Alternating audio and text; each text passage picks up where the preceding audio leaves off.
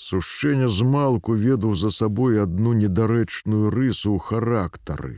Будучы пакрыўджаны, ён траціў натуральную здольнасць скардзіцца, пратэставаць, мог толькі заплакаць, зацяцца, адасобіцца ад людзей, забіцца ў які катух. Затым, ужо падросшы, у такіх выпадках мог толькі вылаецца, апанурыцца, але не павініцца, калі быў вінаваты, не апраўдацца, калі быў бязвінны. Ён сам не рады быў той непадуладнай яму зацятасці, і колькі натрываўся праз яе аднаму яму і вядома. Добра яшчэ, калі побач былі сябры, якія ведалі яго і маглі абараніць ад крыўды. Калі ж ні сяброў, ні сведак не было паблізу, ён мусіў трываць усё сам насам.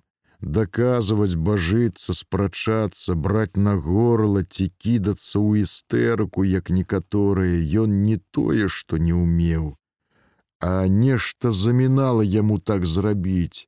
Яго апаноўвала маўклівая крыўда, і ён мог толькі пакутна маўчаць. Я ж на путях 13 гадоў прарабіў, паспакайнеўшы, сказаў сушэнне змарнеламу бураву: « Да ты ж ведаеш, як немцы прыйшлі быў кіну, аж прыходзіць начальнік станцыі, ну той наш цяражкоў, надо ісці працаваць, а то немцы мяне расстраляюць. Ну што рабіць, мусіў пайсці, хоць і не хацелася, бы адчувала душа. І гэта была праўда. Сушэнню дужа не хацелася ісці пры немцах працаваць на чугунку. Бы чула яго душа, што добром тая праца не скончыцца. Але было шкада і цяражкова, увогуле неблагога чалавека, з якім ён прарабіў апошнія шэсць год. Сабраў гэты начальнік брыгаду усе ранейшыя хлопцы, аднагодак сушэнне тапчэўскі, які таксама гады тры працаваў тут на путях, хорошы кампанейскі мужик з гэтага ж масцішча. Пятро карабань з суседняй вёскі і малады яшчэ фзушнік мішчук. Ну што як пачалася вайна, вярнуўся да бацькі з віцебска, дзе вучыўся на цесляра. Як і да вайны пайшлі на пуці. Работа ўсё тая ж, знаёмая, рыхтоўка, падбіўка, замена гнілаватых шпал, рамонт стыкаў, калі дзе трэба забіўка кастылёў, А на станцыі апроч свайго начальніка цяражкова паявіўся нейкі немец, быццам цывільны, але ў мундзіры з чырвонай павязкай на рукаве і па-руску трохі умее. Па путях неўзабаве пайшлі паязды, на ўсход, гружаныя тэхнікай і войскамі, на захад больш паражняк, але былі і санітарныя з палоннымі у смярдзючых глуха зачыненых вагонах. Знаеш, працуем як раней, але на душы так прыкра, што сказаць нельга, на каго робім.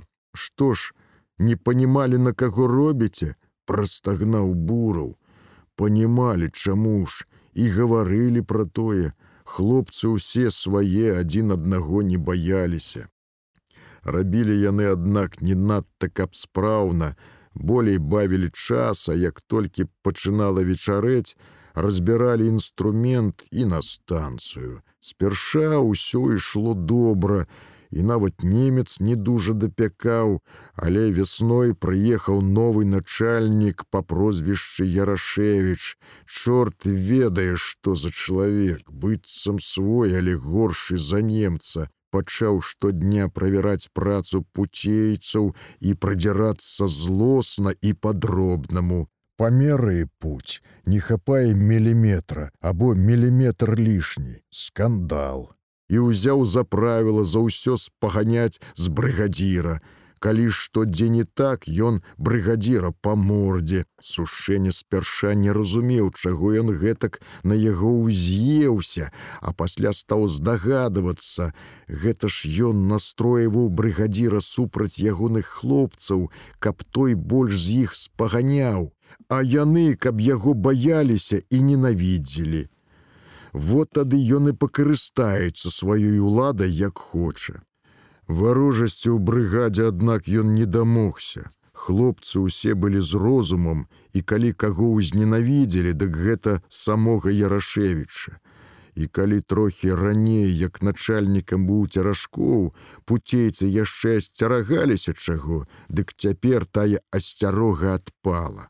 Цяпер яны сталі адкрыта гаварыць між сабой, згаворвацца, як зрабіць немчуры тарарам. Вельмі закарцеў хлопцам гэты тарарам, тым больш, што ў лясах ужо загуло, загрукатала, паявіліся партызаны, аднойчы спалілі два грузавікі на лясной дарозе, воддаль ад станцыі. Брыгада пуцейцаў сушэння ў той час працавала на кузоўскім балоце. Там было шмат звычайнай работы, парыхтоўцы і замене шпал. Наогул участак той быў самы горшы, і яны займаліся ім з вясны. А тут новы начальнік перакідывае на чыгуначнае закругленне перад выспінскім мостам, кажа: шэф немец праверыў надоечы, там трэба прайсціся, выверыць радыус і падбіць сотню шпал. Брыгадзір заўжды быў чалавек паслухмяны, яны назаўтра ранішкай узялі інструменты і з ручной кацілкай патупалі палатном да выспенскага моста. Рабілі там дні са тры. І якраз тады немцы паязды на ўсход сталі пускаць ноччу. Што яны там везлі, пуцейцы не маглі бачыць, але так меркавалі, што, мабыць, важныя грузы, можа, танкі нават калі для перавозкі карысталіся выключна цёмнай парой сутак. І вось неяк самы малады з іх той фзушнік мішук калі яны пасеўшы ўрад перакусвалі за канавай і кажа а давайте развінцім звяну і устроім тарарам на закругленні здатна получыцца тапчэўскі падумаў і падтрымаў А што кажа, дзельная думка. Карабань тады прамаўчаў, а сушэнне дык быў адразу супраць, што ўдумалі. Немцы яны дурні ці што не здагадаюцца хіба. Стык жа развінчаны адразу відаць пачалі спрачацца і мішчук стапчэўскім даводзяць што калі цягнік паляціць пад адхон тут ні адзін стык не застанецца. Усё перакрышыцца перакруціцца як вунь ля лямашоўскай будкі. Месяц таму там была аварыя ці можа падрыў і яны бачылі што там зрабілася. Там сапраўды была каша з рэек шпалаў вагонаў але там трохі іншы профіль пуці, там выемка, а не закругленне. З самага пачатку сушэнне быў супраць гэтай задумы, бо ведаў, можа лепей за іншых, што надта цяжка будзе схаваць канцы ў ваду. Закругленне табе не выемка, тут, мабыць, болей паляціць пад адхон. Паляціць на поплаў або нават у рэчку пад мост, таксама някепска, нават дужа добра, толькі вось той стык як бы не застаўся улікай. Надта сумняваўся сушэнне, але ў ягоных хлопцаў ужо загарэліся вочы, давай, ды давай, і ён не схацеў, каб яго палічылі баякам ці яшчэ горш нямецкім паслугачом і пагадзіўся. Не сказаў праўда нічога, просто змаўчаў, калі перад канцом работы ўжо на захадзе сонца гэты мішчук тапчэўскі ды карабань пабралі ключы і абступілі самы выгодны для таго стык на закругленні.